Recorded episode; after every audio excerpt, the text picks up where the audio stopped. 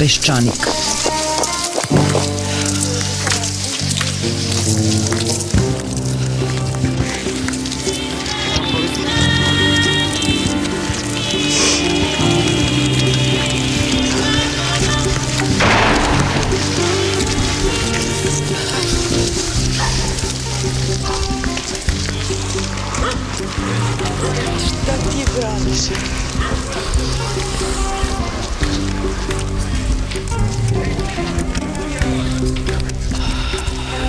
Peščanik.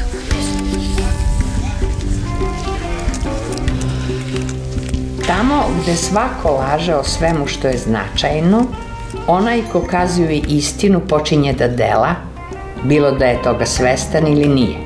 Tako se i on upliče u političku delatnost, jer u slučaju da preživi što nije sigurno, on započinje promenu sveta. Posle iznenadnog lekarskog pregleda u Rusiji, za vreme kojeg je Dačić doktoru pridržavao stetoskop, Aleksandar Vučić se zatvorio u kabinet i na kvaku stavio onaj kartončić Ne uznemiravaj i piše program vlade. Posle pobede na izborima kojoj se nije nadao pa je bilo glupo i da uopšte i piše neki program, sada više nema kud.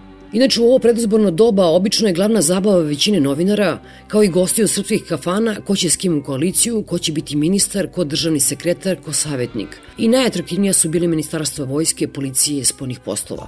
Međutim, da je Đavo odneo šalu govori i činjenica da je glavna zvezda prelaznog roka iznenada postala Kori Udovički. Vučićev knjigovođa u Bledri izgubljeni krstić nije dovoljan za reforme, oporavak i prosperitet. Radulovića su šutnuli u oči izbora da im ne kvari rejting i sada mole Kori Udovički da sa njima, kako se to obično kaže, podeli odgovornost. Međutim, Kori Udovički je za razliku od svih njih ozbiljna osoba i na naseda na iskrenost, energičnost, posvećenost, poštenje i šta sve ne Aleksandra Vučića.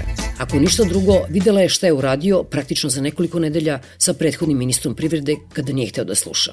Sve do izbora, Aleksandar Vučić i njegovi heruvimi i serafimi su se ponašali kao onaj čovek iz vica koji pada sa 20. sprata, dok na glavačke pada na zemlju, broji spratove koje prolazi i kada je došao do drugog kaže sebi, pa dobro, ako mi se do sada ništa nije desilo, neće valjda ni sada. Međutim, već smo na prvom spratu. To su ove nedelje potvrdili, na primer, šef delegacije Svetske banke u Beogradu koji je jasno rekao da nam neće dati taj kredit od četvrt milijardi dolara ili evra šta god, ako odmah ali odmah ne započnemo reforme. A bez dodatnog zaduživanja država ne može da ispunjava svoje elementarne obaveze. Ako nam ne odobre taj kredit, to će i ostalim eventualnim kreditorima biti znak da nas se klone još više, ako je to uopšte više moguće, jer nismo u stanju da pozajemljeni novac vratimo. Ili kako je to juče rekao član Fiskalnog savjeta Vladimir Vučković, Srbija se nalazi u predstečajnom stanju, a naš kreditni rating se zove BB i spada u kategoriju koju nazivaju đubre rating. Ne znamo šta znači BB, ali jako dobro znamo šta je đubre. Kad smo kod njega, nije mi jasno zašto više ne sklanjaju ove predizborne plakate i bilborde sa licima takozvanih političkih lidera. Zašto i posle izbora, čim izađemo na ulicu, moramo da gledamo u te ljude. Igranka je valjda završena. Možda to ima veze sa tim što nemamo na te bilborde šta da stavimo umesto njih. Oni su naš jedini proizvod, jedina živa privredna grana. Doduše, na ovim izborima su mnogi Ouri i Souri bankrotirali i ostaje samo jedan. Potrošači samo od njega hoće da kupuju.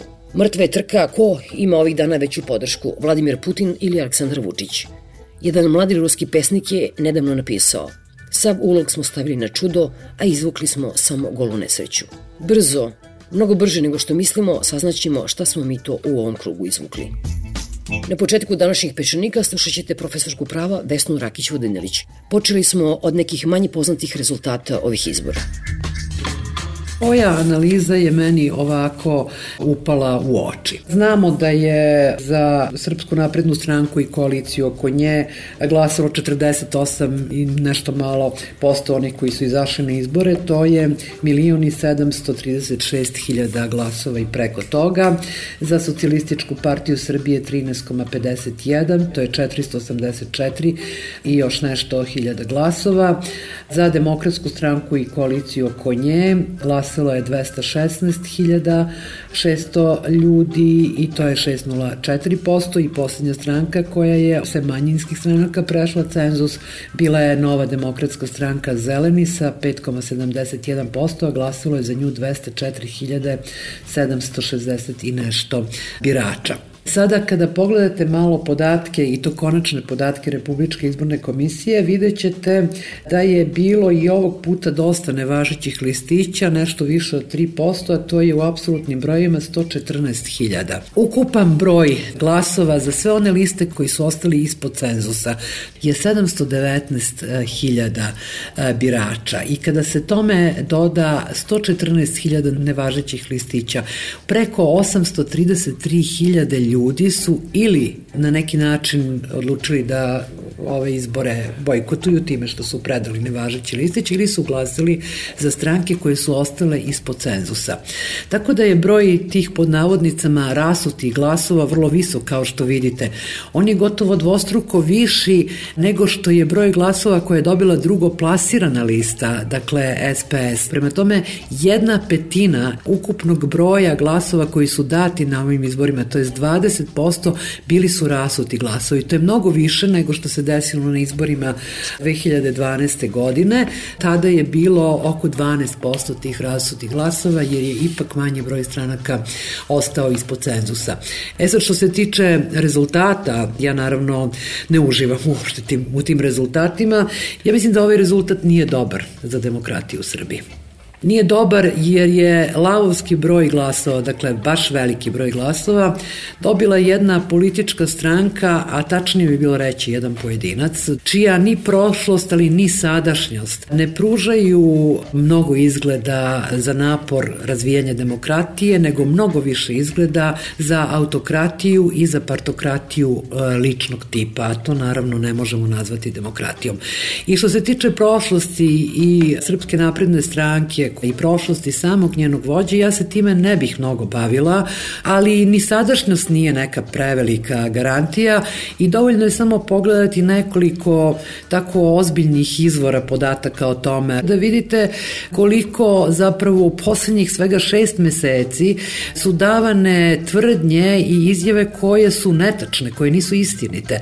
Pa recimo i u samoj toj noći pobede za Srpsku naprednu stranku, šef te stranke je rekao da je to u razdoblju parlamentarne demokratije najveći broj glasova koje neko tvrdi. To prosto nije tačno, sad je čovjek se možda malo zaneo, ali e, te razlike u brojevima su vrlo velike, znate, 1990. godine SPS je osvojila preko 2 miliona glasova, 2 miliona i 320 hiljada, a demokratska opozicija Srbije, to je DOS, e, u decembru 2000. godine osvojila je 2 miliona i 402 hiljade glasova, dakle 64,8% i čak 176 mandata. Prema tome to prosto nije istinit podatak. I ima toga koliko god hoćete od čelnika ove stranke ili ove liste i od Nikolića i od Vučića.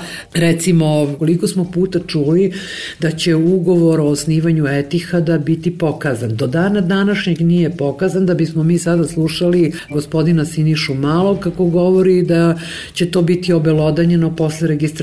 Uvek se određuje neki datum računajući da će ljudi koji su pokazali interes za to jednostavno zaboraviti. E sad naravno, makoliko se meni malo sviđao taj rezultat, ja zaista ne mislim da tu treba se bacati blatom na biračko telo, ono je takvo kako jeste. Ja mogu da razumem ljude kojih ima mnogo, a koji žive zaista vrlo teško, da poveruju u nekakvu iluziju, u neka lako data obećanja i meni se čini da zapravo stranke koje su izgubile ove izbore, doživjevši strahoviti udarac, zapravo treba da vide zbog čega se to tako desilo. Ne samo sa stanovišta fakata, šta su sve loše i pogrešno učinili u vreme dok su vršili vlast, a toga je bilo jako mnogo i za mene je nekako vrhunac tih grešaka bila takozvana reforma pravosuđa između 2008. i 2012. godine. Mislim da je ona ne samo uzdrmala poverenje birača, ona je uzdrmala zapravo ceo pravni poredak.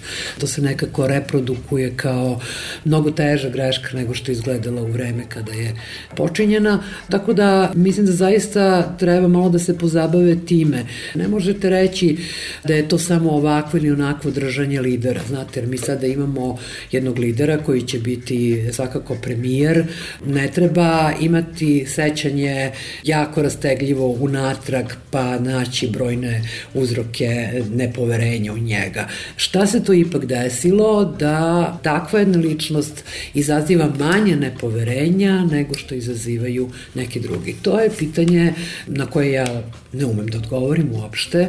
Da li zapravo demokratija u ovom strašno siromašenom svetu prestaje da bude važna? I da li je možda nekakvo golo preživljavanje koje se kao nekakva, ja mislim, ipak iluzija pripisuje jednom jakom čoveku, pojavilo kao nešto što je osnovno pitanje našeg života. Ako je to tako, onda bi neke druge političke stranke, ne kaže morale da se služe populističkim sredstvima, ali morale nekako to da shvate i da se tome ili prilagode ili da nestanu ako ne mogu da se prilagode. Mislim, ja bih mnogo više volao da neke stranke nestanu nego da se tome prilagode. Politička stranka ne može da postoji samo da bi obezbedila puko preživljavanje. To je suviše nizak zahtev za nju. Mislim da su mnoge nade zapravo umrle sa atentatom na premijera Đinđića, makar one koje su bile vezane za neku energiju i veru u to da će biti bolje i onda vam posle toga ne ostaje ništa drugo nego da se uzdate u nekog jakog pojedinca, nakoliko da je nas to dosta koštalo, pre svega tu imam e, na umu iskustvo Srbije sa Miloševićem. E sada, Ono što je u stvari problem jeste što naši e, politički lideri zapravo vole da budu jaki pojedinci. Samo ima ih mnogo i pošto ih ima mnogo, nije se mogo iznedriti odjednom taj jak pojedinac. Zapravo ispostavilo se da Đinđić kome su prebacivali svašta nikad nije bio jak pojedinac, on je to postao u sećanjima građana tek kada ga više nije bilo.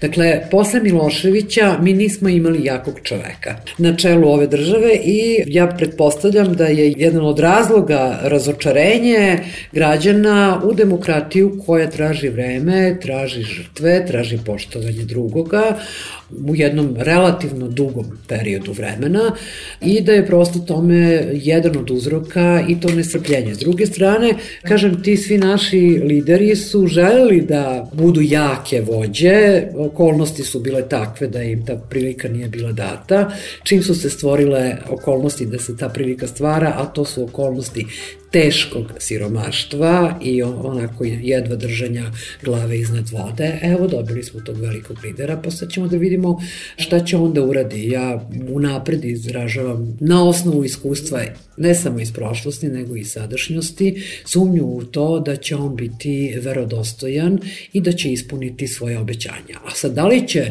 učiniti nešto da se stvari pomere na bolje u odnosu na sadašnje stanje, ja stvarno pojma nemam, ili će naprotiv ubrzati ovo naše propadanje, takođe pojma nemam, to ćemo videti, ja mislim, relativno brzo. Za mene je zapravo najteža vest koju sam čula u poslednjih nekoliko dana, i uopšte u poslednje vreme, a to je da su banke inostrane u 2013. godini povukle iz Srbije preko milijarde eura. To je za mene jedno porazno saznanje, to za mene zvuči kao jedna ogromna suma novca i kao nekakav rezultat toga da niko ne očekuje da ovde ima ušta da se ulaže, da ovde uopšte u nekoj bliskoj budućnosti može biti nekog ekonomskog razvoja, čak dakle ni ta naša radna snaga koji nas inače bedno plaća, pa možda među najbednijim platama ovaj, u Evropi, više nikom nije toliko privlačna. Nije mi jasno šta se to dešava, jedino mi je jasno da su nam ekonomske perspektive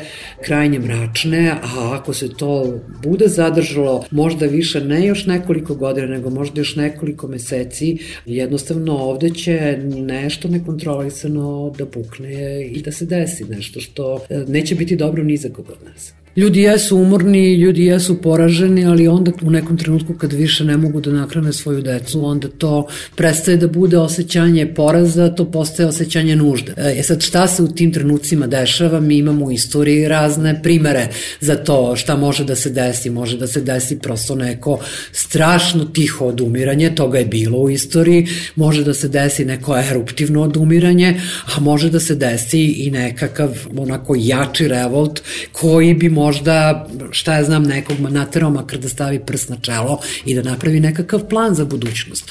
Vidjet ćemo, mislim, meni sve to deluje strašno nekako pesimistično, kao da je Srbija sad tu neki brod koji se nakrivio i samo što nije potonuo i sada svi koji su mislili da će od tog broda da ga malo ulepšaju, jednostavno beže sa njega. To meni tako izgleda i naravno kad ste vi na tom brodu uopšte vam nije prijatno neko tako osjećanje. Za ovo najnovije hapšenje Jasne Matić i e, mislim da se zove i Golijanin, to je bilo vezano za rad Sijepe, tako da kad se malo vozite ovaj, lokalnim prevozom, tu sam odmah danas mogla da čujem nekoliko teorijskih pristupa, a naravno preovlađuje teorijski pristup da je Vučić taj koji hapsi. Mislim, on je inače nadležan za hapšenje u ovoj zemlji. Međutim, nekoliko e, ljudi se setilo, a ja sam se tada setila, da je zapravo Radulović bio podneo, bar je tako rekao, neku krivičnu prijavu koja je vezana za zloupotrebe koje su se desile u Sijepi. Danas je jedan dosta veliki broj ljudi u prevozu zastupao tu teoriju da se radi o krivičnoj prijavi Radulovića i da zapravo bi trebalo njega da Vučić svakako vrati u vladu. E sad, ja naravno ne verujem u tu teoriju, zato što ako se postupa po Radulovića i krivičnim prijavama, pa vrlo brzo bi se došlo i do onoga ko je nadležan za hapšenje, jeli, zbog imajući u vidu sve ono što je Radulović, je tako rekao, naročito ono što je rekao, pa i namerno prećutao, tako da je ostavio jasnim da prećutkuje o tom ugovoru sa osnivanju nove avijanske kompanije, tako da ja zapravo ne znam po čije krivične prijeve do toga došlo i čemu sve to služi, naravno ne znamo sasvim jasno ni zašto su ti ljudi lišeni slobode, vidjet ćemo ako dođe do sudskog postupka o čemu se zapravo radi, tako da Meni dogod, znate, ne bude okončana afera Indeks u Kragujevcu, to je korupcionaška afera. Dogod ne bude ozbiljno ispitana odgovornost nekih ljudi koji su danas u Srpskoj naprednoj stranci u vezi sa ATP ovaj, u Novom Sadu, što je svojevremeno bila izgleda ozbiljna afera, sve vreme ću imati isti onaj utisak koji imam u srpskom pravosuđu, da se ono dakle ponaša onako kako se to od njega očekuje ili onako kako mu se nalaže da se ponaša tu neke stvarne borbe protiv korupcije zapravo i nema ako ćete vi tako birati i vaditi iz džepa pojedine okrivljene koji svi redom e, su percipirani kao pripadnici neke druge političke struje iako meni nikad neće biti jasno zašto ljudima, ne znam, Mišković više liči na demokratu nego što im liči na radikala. To mi stvarno nikad neće biti jasno. Treba se samo setiti atmosfere koja je bila stvorena kad je uhapšen Legija. Sad smo mi svi imali da čekamo šta će Legija da kaže i Legija je rekao jednu fenomenalnu stvar, da je otprilike prodao one narkotike koji su navodno spaljeni zajedno sa Čedom ili već, ne, ne sećam se baš tačno kako je to bilo formulisano. Znate, vi imate, Šarić je okrivljen u ovom postupku i on će da se brani onako kako hoće. Svaki okrivljeni ima pravo da kad se brani ne govori istinu, ima pravo i da govori istinu, ima pravo da baca krivicu na ne znam nijakoga drugog. I sad je naravno pitanje snage jednog pravosuđa da se im tim izađe na kraj. Ako vi kalkulišete od početka, je sad će ovaj ili onaj da se zatrese čim Šarić progovori, pa onda tu od nekog ozbiljnog pravosudnog posla nema ništa. Ja se opet držim za pravosuđe. Uopšte ne mislim da je Šarić, ako je zaista propro novac, to uradio bez pomoći političara. To nije uopšte moguće u ovoj zemlji. Prema tome, mislim, to sve može da se stavi u kontekst korupcije ako je, se pokaže da je Šarić od tog novca koji je pribavio švercom droge, izvršio pranje tog novca u dogovoru sa nekim ko je držao vlast, budući da je on svoja dobra rasporedio uglavnom po Vojvodini, moguće da je tu imao, što bi se reklo, nekakav prolaz, ali sve su to nagađanja i sve to tek treba da vidimo, a za mene se uvijek postavlja pitanje, a zašto mi treba da verujemo ljudima kakav je Legija, to se vrlo dobro pokazalo recimo u najnovijem slučaju koji smo svi zaboravili odmah. Čim je sišao sa stranice štampe, to je ubistvo ubistvo, svaka ćuruvi, o tome se baš ništa ne priča, optužnica očigledno nije podignuta, jer da jeste, to bismo vjerojatno znali, nego tako se gomilaju sve neki novi, novi, novi slučajevi koji nisu došli do neke, da kažemo, bitne pravosudne tačke i mi zaboravljamo stare, stare slučajeve, pa sam ja odlučila da, a kad god budem govorila za vašu emisiju, ne propustim da pomenem da nije rasvetljena politička pozadina ubistva premijera Đinđića, da nije rasvetljena smrt Nebojša Simunovića i nije, da nije završena korupcionaška afera Indeks u Kragovicu. Tako da, mislim, ako mi dozvolite, ja ću to ponavljati neprestano. Ajde prvo da vidimo šta je sa tim. Do pre nekoliko meseci većina u Srbiji je bila protiv evropskih integracija, e, zato što su evropske integracije bile vezivane za tadašnjeg predsednika Republike, mislim Tadića, i za ekipu koja je bila okupljena oko njega, koja je rapidno gubila poverenje. Sada, opet, prema najnovim istraživanjima, ako su tačno, mislim, ja uzimam da svako istraživanje koje se objavi ipak je zasnovano na ozbiljnom nekakvom radu, većina ljudi u Srbiji jeste za Evropsku uniju. Sad ja ne znam da li koliko je svima nama jasno šta to znači prihvatiti pravila i igre Evropske unije u tom smislu, tako da kažem, javni diskurs je izgleda da naišao na neki pozitivan odjek. Ali ima verovatno dosta ljudi koji taj javni diskurs shvataju više kao tako neke lepe reči nego kao uputstvo za svakodnevno upotrebu i onda možemo da vidimo mnogo neke patologije društvene koja se može vezivati za ono što je nekad uličavala Srpska radikalna stranka. A to je, na primer, uperivanje prstom na nekog pojedinca, stvaranje tih sitnih, a navodnih dušebrižnika i moralnih ličnosti i evo upravo ono što se desilo sa saradnikom Peščanika, Rastislavom Dinićem, može vrlo dobro da se uklopi u taj model. Šta se njemu zapravo desilo? Njemu se desilo to da je kao jedan od redkih, zaista redkih, prvostepeno osuđen zbog krivičnog dela ugrožavanja sigurnosti. Radilo se o debati koji je bio vođen u jednom zatvorenom krugu na portalu parapsihopatologija, a povodom diskusije o jednom producentu koji se zove e, Boris Malagurski, koji je napravio i prikazao jedan film o suđenju u Brisu Tatonu, na neki način otvoreno rekavši da to suđenje nije bilo fair i pošteno prema onima koji su osuđeni, da je tu bilo grešaka u tom suđenju i da ga zbog toga treba ponoviti.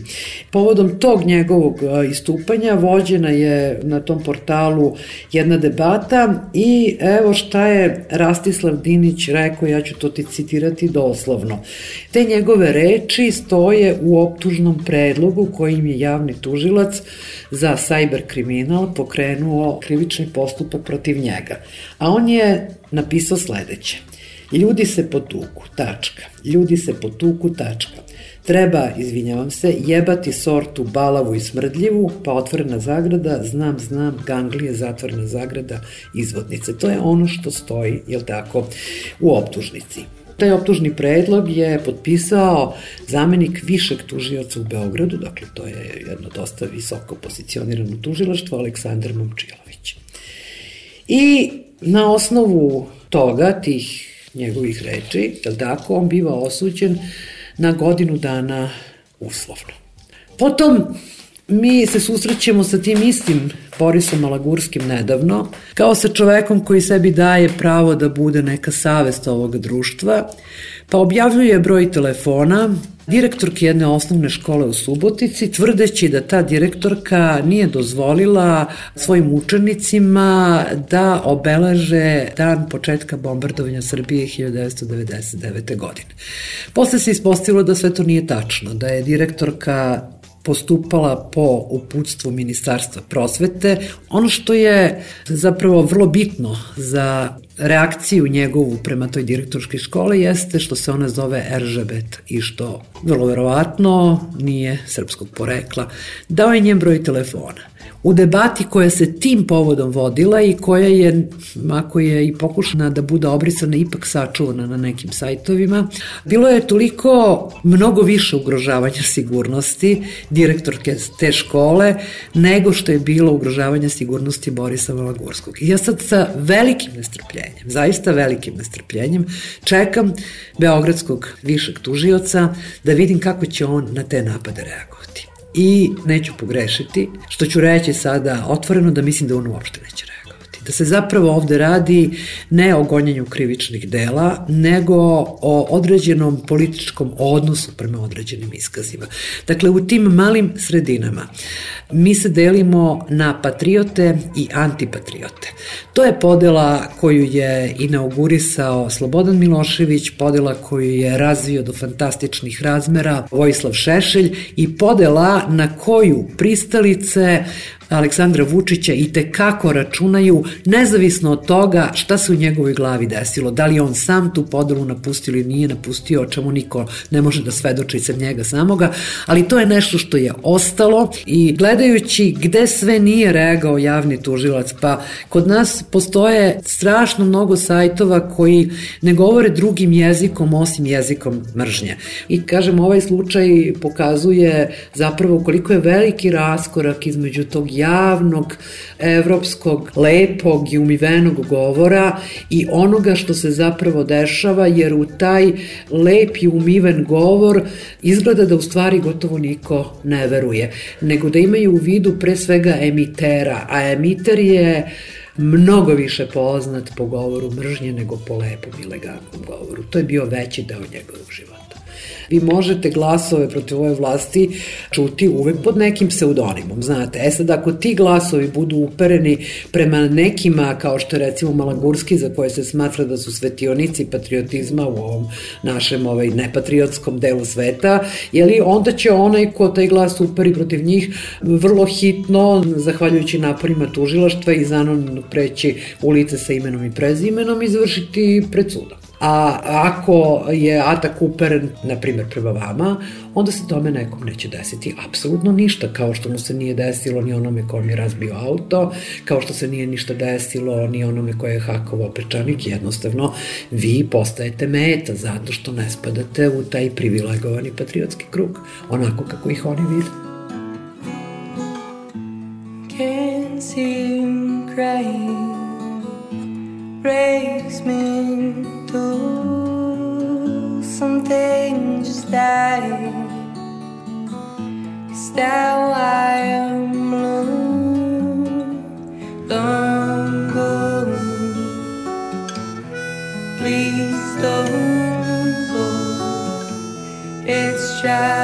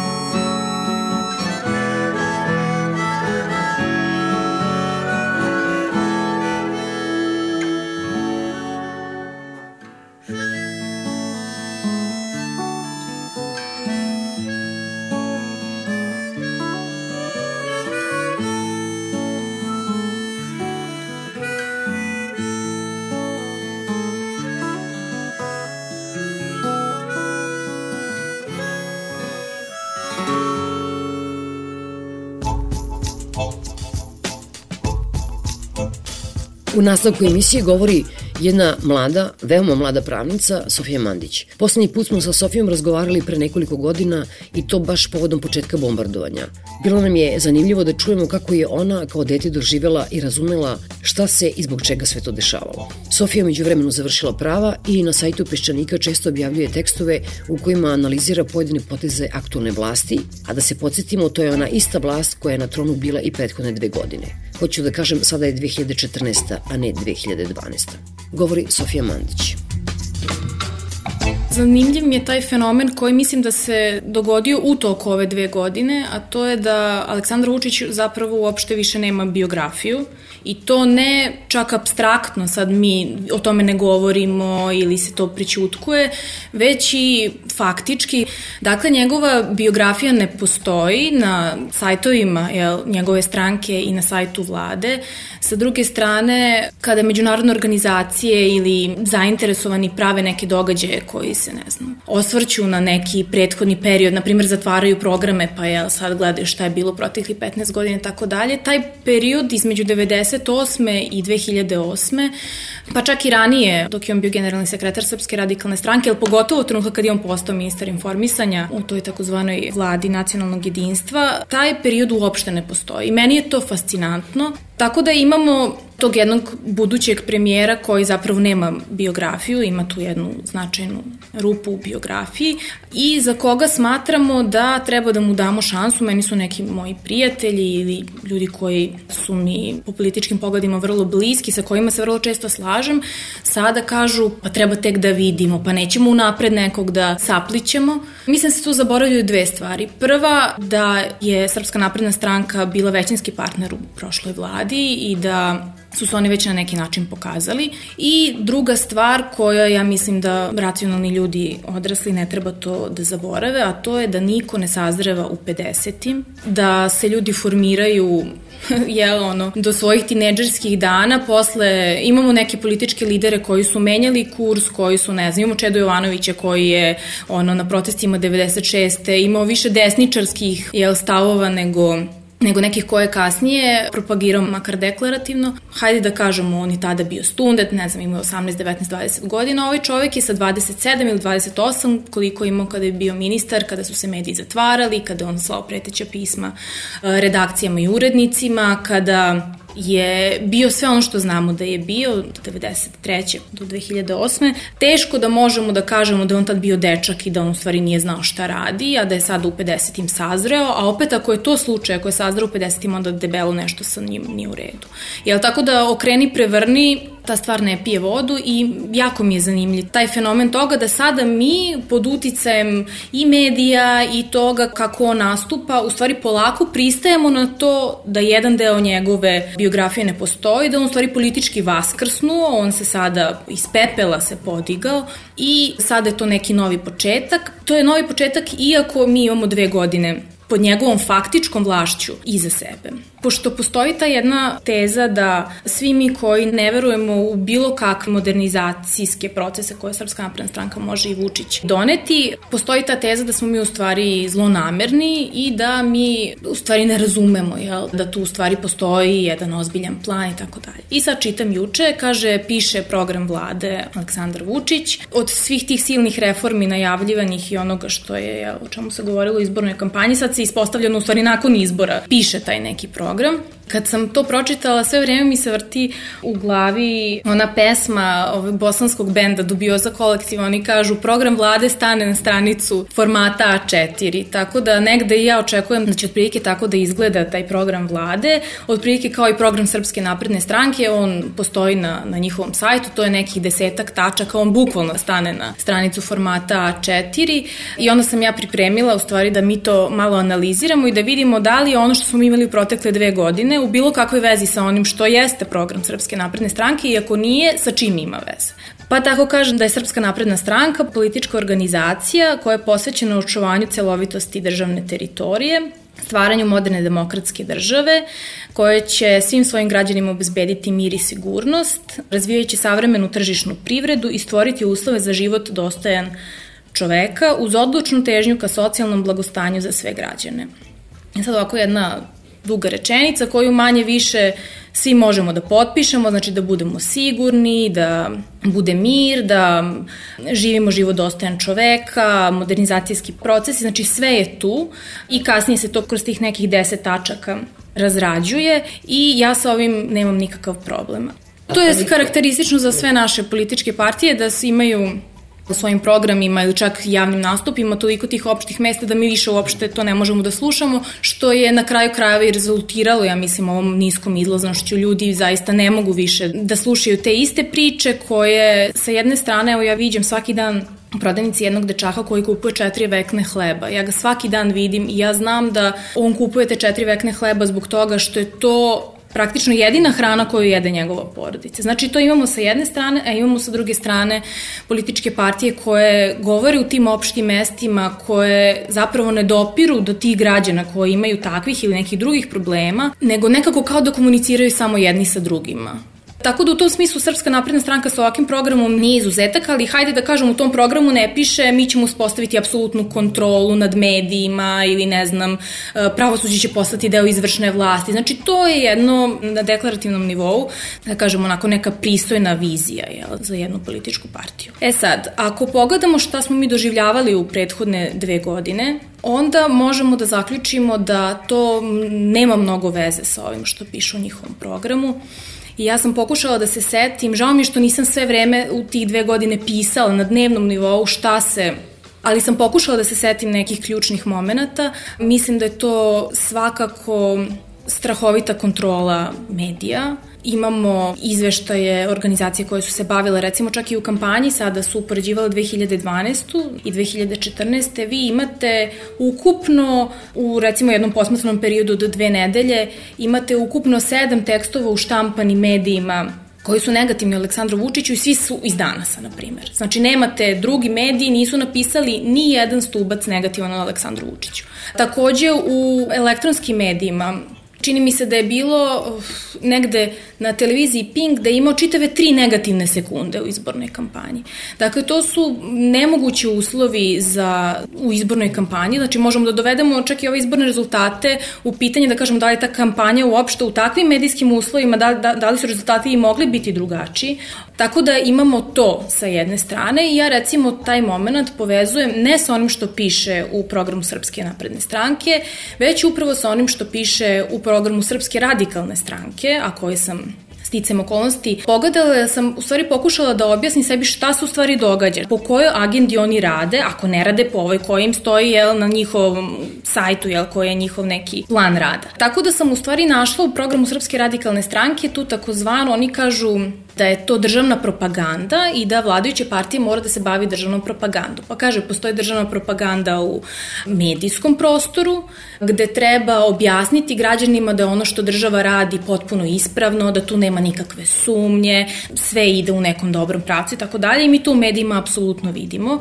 Sa druge strane postoji ta neka, oni to kažu, propaganda u privredi i u diplomatiji, znači to je ono sve što vidimo. Imamo propagandu jel, sa ovim šejcima, ne znam, dolaskom Mercedesa i tako dalje, znači tu opet imamo poklapanje sa radikalskim planom i postoji ta neka propaganda u sferi diplomatije, to je sad ta mantra koju slušamo je nešto između istoka i zapada. I sad ako idemo dalje po tim tezama radikalskog programa, kaže poseban odnos prema Srpskoj pravoslavnoj crkvi. Evo, znači možemo da kažemo, možemo da navedemo najmanje dva primera. Jedan je Tesla i ovaj sporazum koji su potpisali sa patrijarhom koji je potpuno pravno gledano patrijarh ne može da potpisuje nikakve sporazume sa vladom i gradom Beogradom o tom pitanju, odnosno pitanju sahranjivanja i premeštanja posmrtnih ostataka. Mislim da tu može da se ubroji i ono što smo imali prošlog leta, a to je Kosovo za poštanske markice, odnosno to da smo mi preko markica koje smo morali da platimo u pošti, za dva meseca zapravo uplatili 600.000 evra Srpskoj pravoslavnoj crkvi na račun direktno, bez obaveze da ona bilo kome polaže račun, kako je taj novac potrošila. Kaže, negiranje autonomije regiona i lokalne samouprave država treba bude što više unitarna i tu imamo isto mnogo primera, imamo od odnosa prema vojvođanskoj autonomiji, imamo odnos prema lokalnim samoupravama kao jedinicama koje same biraju zapravo svoje lokalne vlasti, gde smo imali e, na partijskim sastancima Srpske napredne stranke dogovore ko će biti gradonačelnik, ko neće biti, kao da se ta stvar ne rešava u skupštinama opštine, nego baš na njihovom partijskom sastanku. Tako da i na tu kad pogledamo, s jedne strane je onaj deo kao moderna država iz naprednjačkog programa i kad pogledamo ovo je apsolutno unitarna država u kojoj se sve odluče na centralnom nivou, mi tu opet imamo potpunu podudarnost između onog što Vučić radi, odnosno Srpska napredna stranka i između program Srpske radikalne stranke. Mislim da je to sve ukupna taktika, zapravo je ovaj brend Srpske radikalne stranke sa otačbinskom upravom, sa tim, sa onim grbom koji liči, ne znam, na neki skelet, ne znam, na kostorsku glavu. Taj brend se ispostavio kao brend koji ne može da dobije izbore. Prosto pokazalo se da on mora da se menja, ali je da mora da se menja sam brend, brend se promenio i neke stvari koje su radikali izgovarali ne izgovaraju više, ali suštinski se sve te stvari rade i mislim da je to to negde vidim kao njihovu taktiku. Da se vratim na ovaj radikalski program, kaže, jedna od stvari koje će radikali kad dođu na vlast raditi je raskrinkavanje korupcionaških afera. I meni sad taj jezik isto zanimljiv, kaže raskrinkavanje, znači to je ono što se dešava u medijima, mi ne želimo da korupciju ili kriminal, jel, svedemo na minimum time što će naše pravosuđe, naša policija, naše tužilaštvo raditi, mi ćemo to da raskrinkavamo, to će se dešavati u medijima. Sad tu opet ima puno primera, ovaj poslednji sa Jasno Matić je meni jako zanimljiv, kaže mi koleginica moja, kaže, pa ko bi rekao, kaže za nju. Kažem, šta ko bi rekao?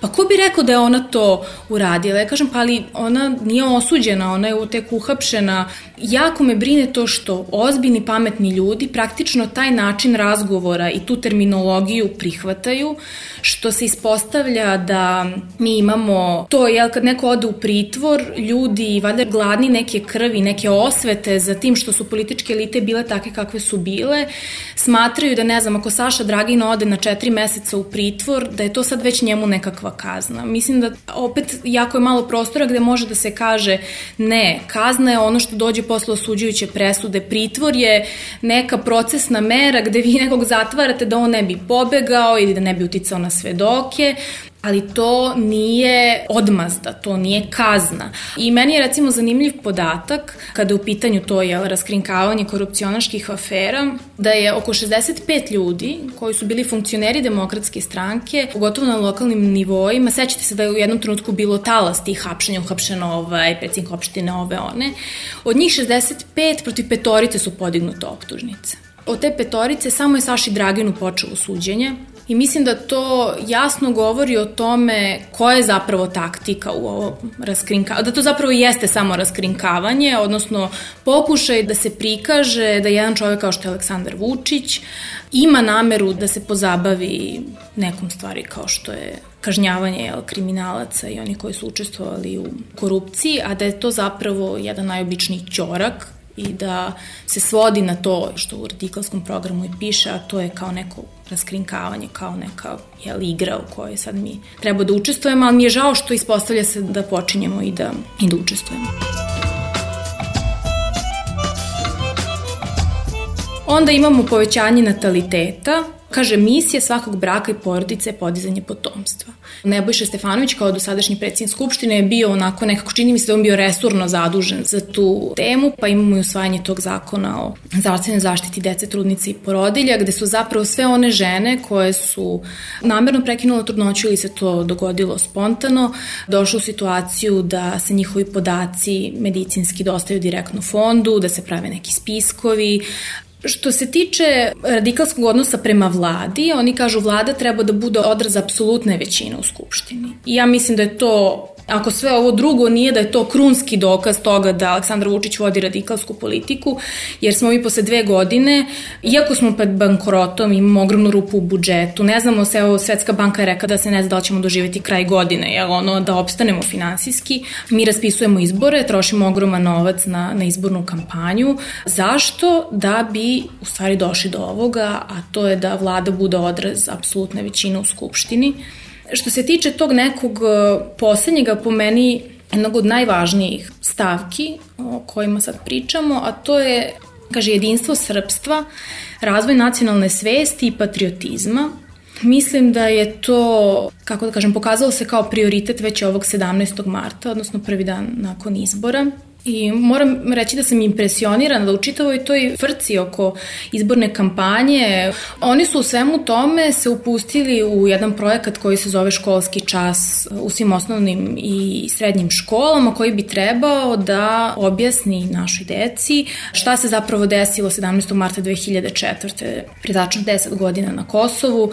To je temeljno isplanirano, pismo ministra je poslato praktično u izbornoj tišini, gde se kaže ne samo da će taj čas biti održan, već da će to biti prvi školski čas. Znači, deca će uveče jel, gledati sa svojim roditeljima rezultate izbora i tako dalje, sve će im biti, jel, pogotovo ova starija, bit će im jasno šta se dešava i ko je zapravo pobednik tih izbora i onda će doći ujutru u školu i saslušat će taj baš prvi školski čas, znači to nije čas istorije ili čas bilo čega drugog, nego je to jedan svečani prvi čas. Za taj čas je materijal pripremila Kancelarija za Kosovo i Metohiju, na čijem čelu Aleksandar Vuline. Sad, sama ta činjenica bi nam bila dovoljna, čak i da nismo uspeli da vidimo materijal, ali su oni bili dovoljno transparentni, da kažemo, da, da sav taj materijal okače na svoj sajt. Kad pročitate materijal, on je, vraćamo se opet na propagandu, on je čisto propagandni, znači to nije obrazovni materijal. Ja sam stava da deca u školi treba nešto o tome da znaju, verovatno ne deca koji idu prvi raz do osnovne škole, ovaj čas se odnosio i na njih, znači starija deca, da se recimo na času istorije o tom datumu govori, da se kaže šta se dogodilo, koliko je Srba 2004. godine moralo da ode sa Kosova, šta se dogodilo sa srpskim grobljima, šta se dogodilo sa manastirima, da je to jeste bio zločin i da jeste bio etnički zasnovan zločin, ali da on nije izolovan, da je on posledica raznih drugih političkih odluka, da je strašno što se dogodio, ali da taj događaj funkcioniše u nekom kontekstu, taj datum je zapravo iskorišćen kako bi deca bila dodatno indoktrinirana i kako bi im se objasnilo da su kosovski albanci ili albanci uopšte vekovni srpski neprijatelji. I ne samo da su vekovni srpski neprijatelji, nego da su oni zapravo to zbog toga što je to bio interes stranih sila i stranih nekih vlada, a da je taj sukob koji je potpomognut sa strane zapravo odneo sliku u svetu Srbiji koja je loša i ta slika naravno ne odgovara onom kakvi smo mi. Ja mislim da je to strahovito opasna poruka. Deca koriste internet, sva što mogu da nađu na internetu, sa jedne strane, da sa druge strane ono što čuju u školi i pored toga što oni do drugih podataka mogu da dođu, ja, ono što se čuje u školi je dalje istina. Ja sećam ja kad sam išla u školu, bilo mi jako teško da shvatim da nešto što sam čula u školi nije istina. Ako svi mi treba budemo žrtve propagande SNS SNS i Aleksandra Vučića, mislim da to deca svakako ne bi trebalo da budu. Možda neka je uteha u tome svemu je to što Ja sam krenula u školu 93. Ja sam isto takve učbenike čitala, gledala izvestan broj mojih jel, drugara i opet smo nekako uspjeli iz toga da se iščupamo, jer vas na kraju stvarnost i sve ono do čega vi možete u stvarnosti da dođete, ako vam radi logika i ako imate neki zdrav razum, vi u stvari na kraju shvatite da je to sve bila laž. Sad ako sve ovo poređemo, a ima još mnogo toga, imamo tajne ugovore, na primer, sa Etihadom i sa Fiatom, pa proces pridruživanja su stavili oznaku državne tajne na proces pridruživanja, pa imamo amnestiju 2000, u decembru 2013. gde je 3000 ljudi oslobođeno krivičnog gonjenja ili amnestirano mnogo nekih stvari koje se dešavaju u unutrašnjoj politici, a za koje mi nekako u odnosu na naše prethodno iskustvo kao očekujemo neku reakciju. U vreme Miloševića je bilo reakcije kao pa čekajte, pa ne možete, pa makar je bilo deklarativne osude nekih poteza u unutrašnjoj politici i sada to nedostaje, čak čujemo pa dobro, sada će kao reformi ići još brže i tako dalje.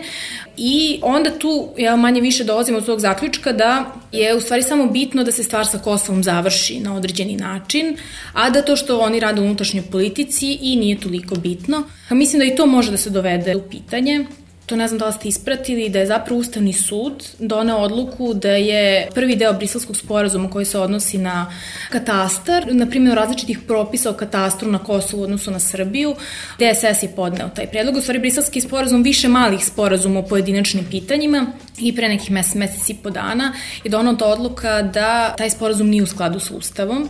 Ja mislim da je ta odluka ispravna sa stanovišta toga jer Ustavni sud sudi na osnovu onoga što piše u Ustavu. Mi smo 2006. želi da pišemo da je Kosovo sastavni deo Srbije, sasvim je logično. Ustavni sud kaže pa ne, ne možete vi da imate jedna pravila na neotuđivom delu naše teritorije, a druga u Srbiji jer je to neotuđivi deo naše teritorije. Meni je ta odluka zapravo reka da čak i to što možda ljudi van granica ove zemlje kažu pa dobro, makar nek se stavi tačka na to, da je čak i to dovedeno u pitanje, a da ova vlast u nekom trenutku tu odluku može iskoristiti i reći pa šta sad da radimo? Evo Ustavni sud je rekao mi ne možemo, mi moramo sad da primenjujemo srpske propise o katastru na Kosovu.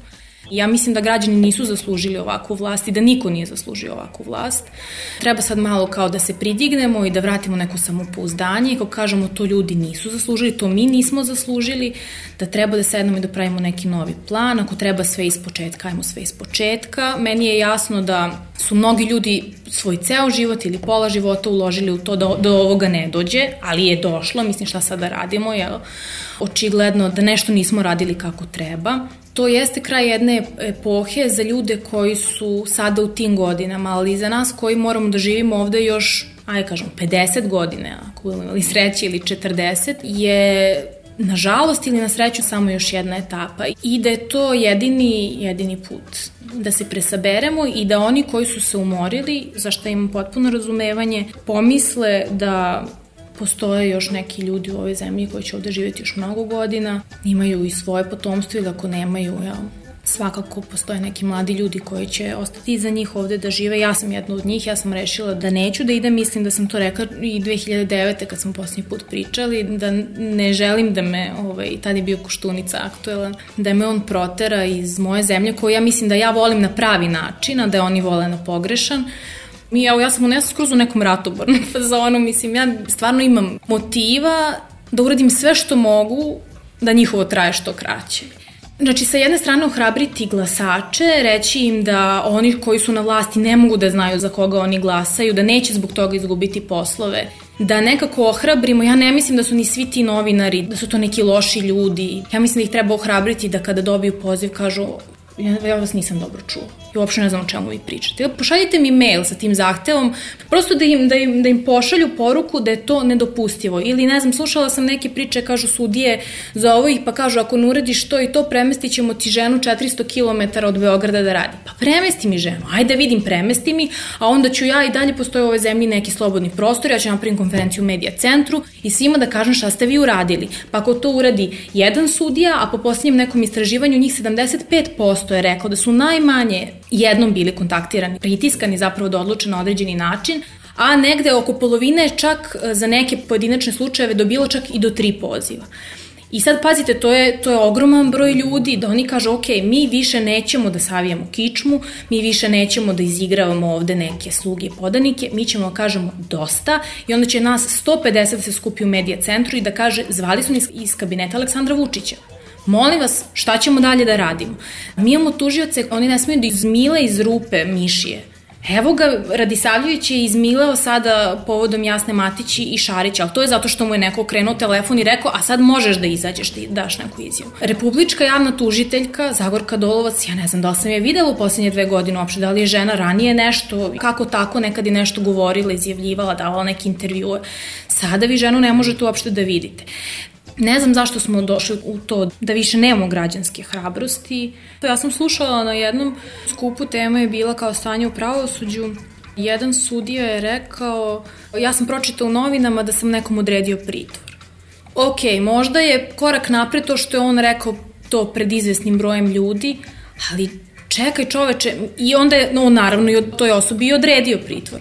Ja mislim da tu stvarno čovek, što se kaže, ne može niže od toga da padne i da još posle ide okolo i kaže jao vidi jadan ja, to mi se dogodilo. Pa dobro, ajde, pre nego što se to sve dogodilo, što nisi izašao, što nisi tražio podršku. Mislim da za te stvari, da u stvari ljudi nemaju snage za te pojedinačne istupe, ali da kad bi počeli malo da se komešamo i kad bi nekako uspeli preko to malo medija što je ostalo da pošaljamo poruku da u stvari postoje razni neki ljudi koji bi tim pojedinačnim istupima dali podršku da bi to u stvari bio početak njihovog kraja.